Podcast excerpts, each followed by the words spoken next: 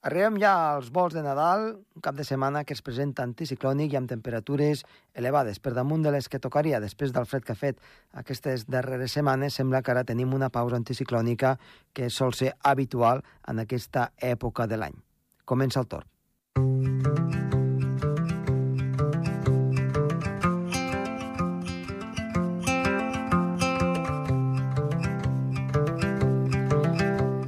En el programa Tots d'avui parlarem amb Sergi Carteles sobre la neu a l'hemisferi nord. Es veu que n'hi ha hagut més del normal i ens farà un apunt doncs, meteorològic sobre el que ha passat. I després tenim una segona part amb el que seria el convidat. Un convidat que és en Gerard Garcia, arquitecte tècnic, que ja es va venir fa unes setmanes parlant del gas radó. En aquest cas, eh, parlarem de què és el que passa com, quan ens afecta aquest gas a la nostra salut.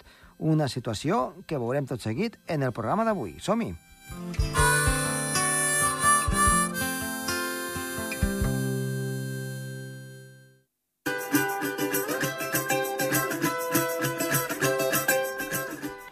Comencem el programa i parlem amb Sergi Carteler. Sergi, molt bona tarda.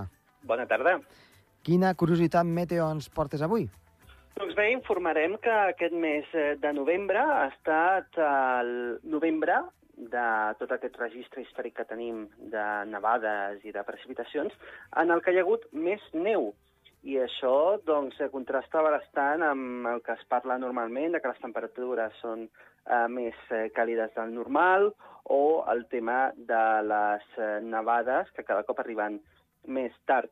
És una curiositat que la veritat és que és, eh, ho ha estat notícia aquest, eh, aquests principis de desembre perquè eh, la superfície de neu que hi ha hagut aquest mes de novembre a, tota, a tot l'hemisferi nord, en aquest cas, uh -huh. era de 39, eh, més, si no m'equivoco malament, eh, 39.000 quilòmetres quadrats, uh -huh. més o menys. Així que és una extensió molt gran de, de neu, en el que engloba no només la zona de Sibèria, de Rússia, també els països nord-europeus, sinó també Groenlàndia, al Pol Nord, i a Alaska, no, perdó, Canadà, uh -huh. eh, que ha estat completament nevada. Tot això doncs, ha estat a causa d'aquesta bossa d'aire fred que es va quedar mantinguda a la zona de l'hemisferi nord eh, durant quasi tot el novembre i també les precipitacions estancades en aquella zona. Recordem, de fet, que eh, aquí a Espanya, a Andorra, ja en si fins al sud d'Europa, les precipitacions no van arribar fins a finals de novembre, per al es van quedar estancades més en el nord.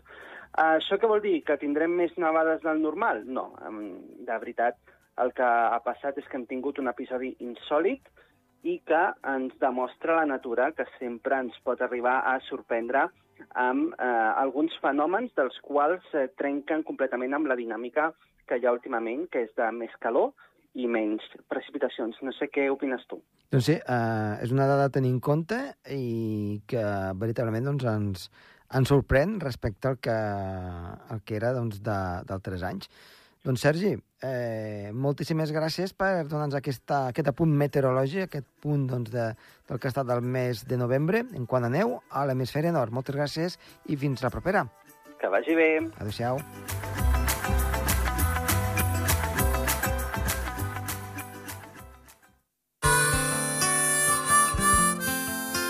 El Torb, amb Josep Tomàs.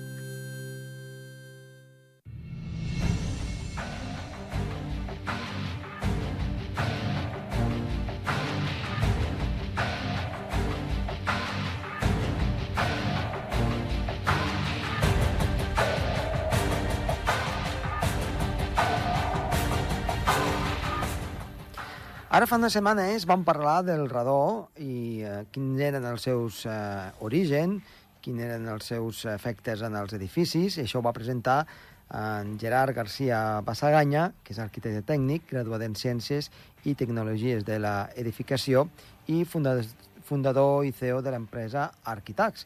Gerard, moltes gràcies per tornar a estar aquí amb nosaltres. Hola, bona tarda, gràcies per convidar-me. Doncs avui eh, anem amb una segona part. Aquesta segona part crec que és molt interessant. Vam veure, si, si et sembla bé, abans d'anar al que avui parlarem, que són els efectes sobre la salut del radó, Eh, què et sembla si fem res, un petit repàs sobre quins són els orígens d'aquest gas i, i com ens afecta? Sí, eh, el que és el, de lo que estem parlant, que és del gas redó, en principi es va dividir en tres parts, una mica explicar què és el gas, que serien els orígens, eh, després els efectes que té a la salut i finalment mm, parlarem de lo que són les, les solucions constructives, uh -huh. que realment el del que nosaltres, del que jo personalment conec i sóc més professional, no? Fins ara hem parlat de lo que són els orígens d'aquest gas redó, eh, hem dit que és un gas radioactiu, que és d'origen natural, que es produeix a partir de la desintegració radioactiva natural de l'urani, i el problema que té, o l'inconvenient, o la dificultat, és que no té olor, no té color i, i no té gust. Eh, volia fer una petita incisió aquí, i és que eh, sempre parlem a, en aquest programa de moltes coses, de contaminants, dels efectes sobre el medi ambient, i ens trobem amb una cosa que és natural i que, i que ens dona la natura mateixa, per tant que no hi podem fer res eh, per evitar-ho en aquest aspecte. Doncs que ens ho trobem a casa, ens ho trobem al nostre entorn i no ho creem nosaltres. És és veritablement potser l'excepció, una de les poques excepcions que hi ha en aquest món, no? Exacte. És més, eh, més endavant diré una dada que és sorprenent eh, de, sobre aquest gas. I així com els altres, el fumar, que diuen que és perillós, mm -hmm. bueno, eh, tu quan l'estàs olorant o quan estàs al costat d'alguna persona que està fumant, ja et dona alguna sospita. No? Clar, sempre pots apartar-te, pots no? Pots apartar o estàs notant alguna cosa, una olor o un mm -hmm. malestar. O no? el gas mateix, no? Que li fiquen Exacte. un un, un no sé com es diu, un, sí, un, un colorant, producte... Un colorant o... Exacte, o, un, un producte que fa olor. Que, o que faci olor, exacte. En aquest cas no hi ha ni cap tipus de colorant, ni, ni que faci olor, ni cap tipus de d'alerta no? que, ens pugui, uh mhm. -huh. que ens pugui fer obrir els ulls, no? de dir aquí pot haver redor. Eh, bueno, vam parlar també una miqueta de que la unitat de la mesura és el becquerel, i que un becquerel eh, equival a una desintegració per segon, que ho va descobrir aquesta persona mateix, que és el becquerel. Uh -huh. I, bueno, vam explicar una miqueta quins són els tipus de sols que, que aporten aquest tipus de gas, no? Eh, vàrem explicar que tant el granit com els materials pissarrosos són els que ens poden eh, crear aquest gas i, per tant, són materials que ja ens fan obrir els ulls, no?, de dir, uep, aquí podem Andorra, estar... clar, tenim... Clar, aquí a Andorra tenim molt, molts d'aquests... Eh, pissarra i granit, pissarra bàsicament. i granit, bàsicament, no? Sí, sí. I després també vam acotar una miqueta en quant a que quants becquerels són els que els que ja són, marquen una miqueta el límit. No? Uh -huh. Vam dir que en diferents països aquests límits són variables, no? però que estàvem en torn d'uns 300 becquerels metre cúbic ja, ja ens donen alguna, alguna pista de, de, de com ho podem acotar, no? tot això, malgrat sí que hi ha eh, variacions de recomanacions, per exemple, la Comissió Europea està sobre aquests 200 bequeres metres cúbics, el que seria obra nova, amb un extrem Suïssa i França se'n van a 1.000 bequeres metres cúbics, com un valor límit, que ja vam uh -huh. comentar que semblava molt exagerat aquest... Eh... Sí, perquè si comparem, per exemple, aquí amb aquest gràfic que ens has, ens has presentat, als Estats Units tan sols 150, Exacte. o al Regne Unit 100. Exacte. Eh, no és, una, no és un, un gas, és novedós, no? molta persona no el coneix, però sí que hi ha molts estudis al darrere. Parlarem a, a la tercera xerrada, si de cas, ho uh -huh. una miqueta més, tot això. Molt bé. Vale? El que avui sí que anàvem a mirar és com, com, aquest, com afecta la salut de les persones ja directament aquest gas. No? Sí, abans de, de que comencem el tema, m'agradaria doncs, eh, recordar molt breument és, doncs, eh, com, com aquest tipus de radó com el, com el tenim, o sigui, com el podem com trobar, a... on el trobem, bàsicament. Exacte.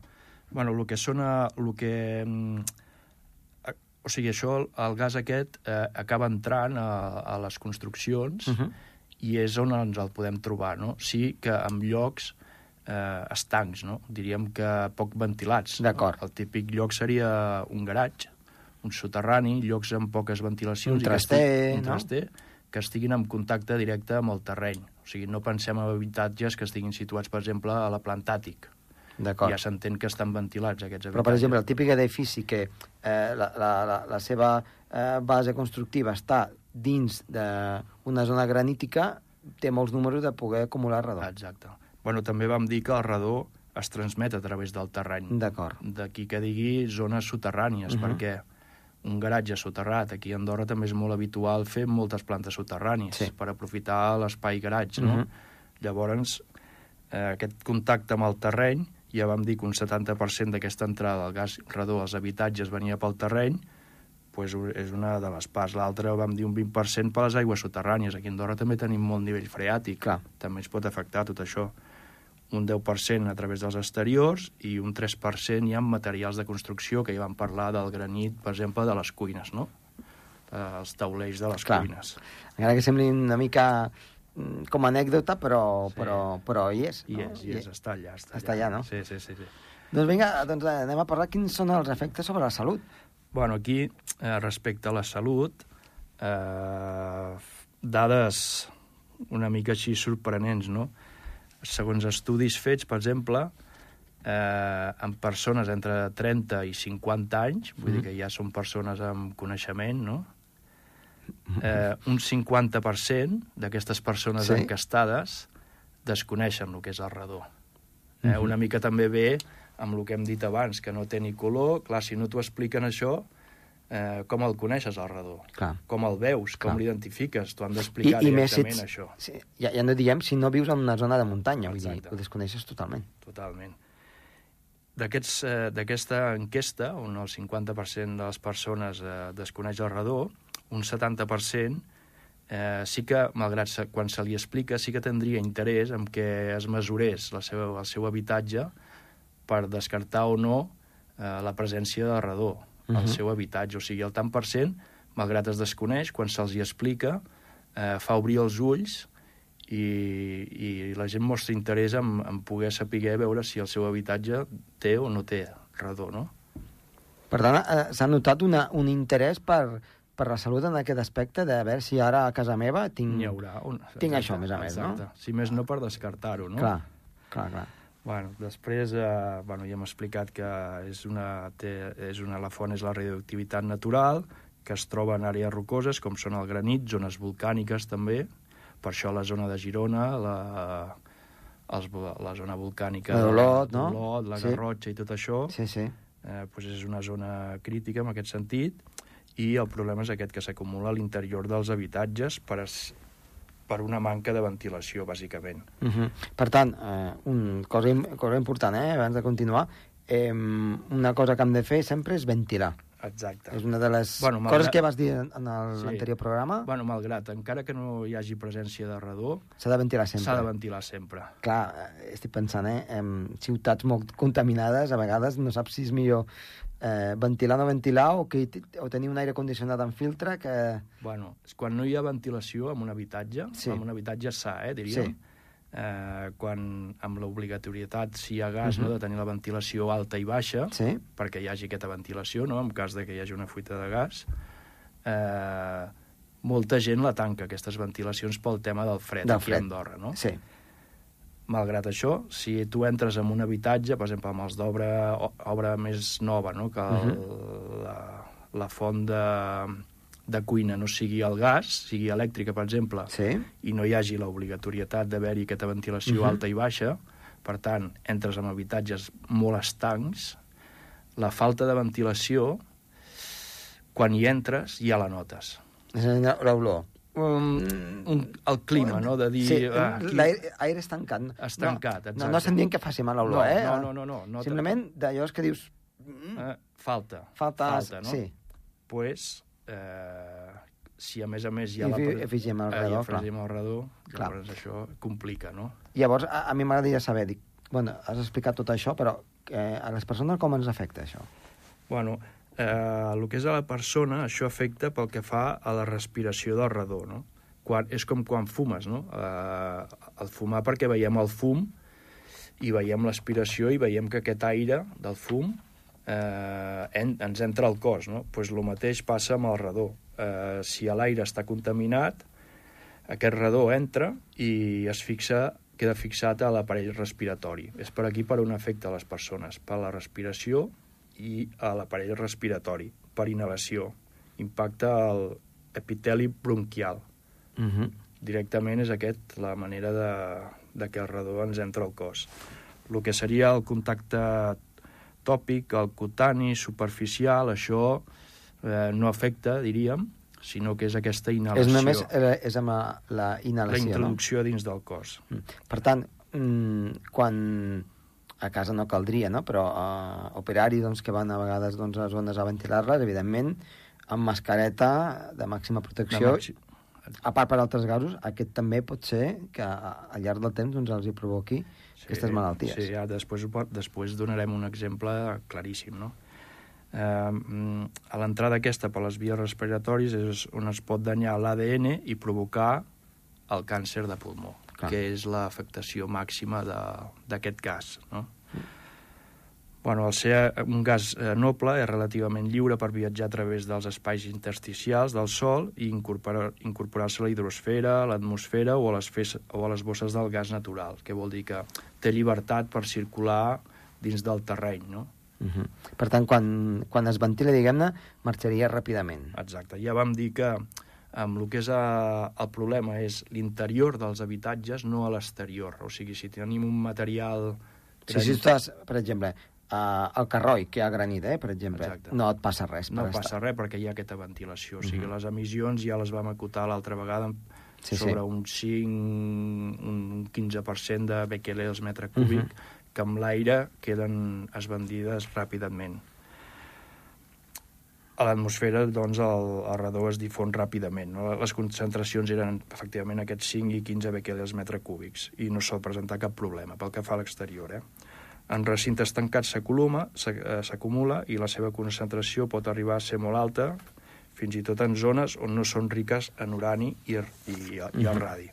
I, a veure, hem parlat ara doncs, com afecta la salut, però voldria saber quin, si hi ha tant per cent o si d'alguna sí. manera podem saber doncs, alguna dada sí. que, que ens indiqui cap on, cap on va. Exacte, sí, sí. Això ja, ja, els estudis ja estan molt avançats i preocupants, no?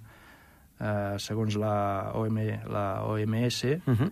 el redó és la segona causa de càncer de pulmó després del tabac. Per tant, ja se situa després del tabac, o sigui que no és una cosa llunyana. Eh? I no se n'ha fet molta difusió d'això. I no, eh... Vull dir, ets tu de les primeres persones que amb anys eh, doncs ho, ho explica, que això doncs, pot ser sí. una, una de les causes de, sí, de càncer de pulmó. a la tercera Sí, sí, el tercer programa, sí. El tercer programa que fem, veurem on està documentat tot això. O sigui, no és una cosa aleatòria que ara parlem i uh -huh. no mhm. sabem gaire el que és. Està tot molt detallat. I donarem solucions per... Donarem solucions. D'acord. Eh, que és més el camp, en aquest cas meu, professional, no? Uh mhm. -huh. A Europa, per exemple, la causa eh, és el 9% de la mort del càncer de pulmó. Clar, és, Europa, és, ja. és, és una causa... A veure, és petita però és elevada. És elevada. Una cosa que es pot mm, evitar. Exacte. Els estudis epidemiològics han demostrat convincentment una associació entre l'exposició del radó en interiors i el càncer de pulmó, fins i tot en nivells de radó relativament baixos. És aquest interior, la falta aquesta que dèiem de ventilació, la causa aquesta de, del càncer de pulmó. No? La probabilitat de que el radó provoqui càncer és més gran en persones que fumen, o sigui, uh -huh, va directament clar. associat a això ja, si a més a més fumes... Eh, encara tens més números, encara tens més números de, de que puguis agafar aquest càncer de, de pulmó, no? S'estima que el risc associat al redó que té el fumador és 25 vegades superior als de no fumadors. Imagina't quin tant uh mhm. -huh. per cent més alt, eh? Pues sí. I llavors també, per una altra banda, pel risc de càncer augmenta un 16% amb cada increment de 100 becquerels. Eh? Aquests el que dèiem, la limitació tan variant que dèiem entre Suïssa i França de 1.000. Sí, exacte, i 100, 150 I 100, Estats, pues Estats imagina't Units. com puja... Això sempre estem parlant perquè els nostres oients sàpiga per metre cúbic. Cúbic, sí, sí, eh? sí. Però no és el mateix tenir 200 que 300, perquè l'augment d'aquests 100 becquerels metre cúbic augmenta amb un 16% més l'increment de la, poder patir un càncer de pulmó. Uh -huh. Per tant, és important tenir acotat doncs sí. si aquest habitatge o aquesta zona té 100, 200, 300 o 400 o 500 o 1.000 perquè la, la, la probabilitat augmenta amb aquest 16%, no? I la relació de la dosi i resposta és lineal. Per exemple, el risc de càncer de pulmó augmenta de manera proporcional a l'augment de l'exposició del radó. Com més, tu imagina't, bueno, després posarem un exemple final que serà el més entenedor, no? però com més estona estàs exposat, Uh -huh. Clar. més probabilitat. No es coneix una dosis mínima per sota de la qual l'exposició del radó no, superi, no suposi cap risc, o sigui, no podem dir per sota d'aquí no passa Mm, res. ja. O sigui, mentre n'hi hagi, hi ha la possibilitat de que passi. I, i, bueno, i s'estima que com més baix sigui la concentració de radó en els interiors dels edificis, menor serà el risc de càncer de pulmó. És el que estem parlant fins ara. Eh? Diferents tipus de mesura, però per posar eh, l'exemple que et deia, eh, quina és el, ca- la persona afectada, num, candidat número 1 pel que fa al treball, exposats al redó, els que treballen a, la, a, a les mines d'urani. Clar. Aquests són les persones típiques que... Això és com quan, si recordes, fa uns quants anys vam parlar del fibrociment, concretament de l'uralita, recordes? Exacte. Recordes, De l'amiant. Eh? De l'amiant. Doncs aquests serien els candidats, així com amb l'amiant, els candidats eren els que treballaven a la fàbrica d'uralita, aquí els candidats són els que treballen a les mines d'urani. Clar, aquest seria un, un cas extrem, diguem. Extrem, eh? Un extrem, eh? Uh -huh. Bueno, per últim dir que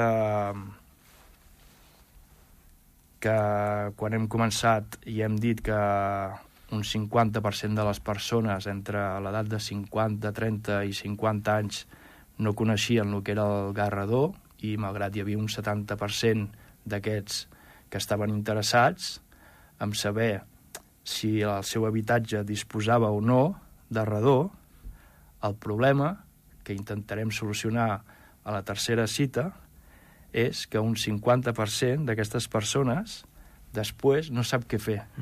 Home, una cosa, obrir les finestres cada bueno, dia. Bueno, però aquí perquè ho hem explicat. Però Ja, ja. clar, si et diuen tens radó a casa teva, què fas? Clar. No, o sigui, en l'enquesta no sabien què fer.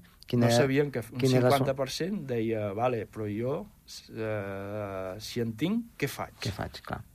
Però I és... aquí és on intentarem donar solució a, a la tercera... Al, al, al tercer programa que parlarem justament doncs, de- d'aquest gas que doncs, tenim pràcticament a tot arreu i que hem d'anar molt en compte de com pot ser la nostra afectació després de tot el que ens has explicat.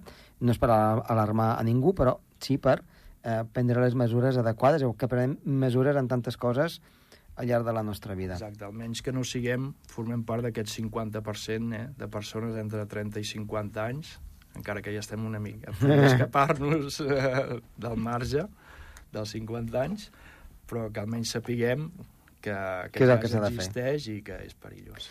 Doncs Gerard, eh, eh, moltíssimes gràcies per tornar a estar aquí nosaltres. T'esperem per aquesta tercera entrega perquè ens expliquis doncs, ja les solucions que hi puguen haver eh, per mitigar els efectes d'aquest gas. Gràcies i fins la propera. D'acord, moltes gràcies. Fins la propera.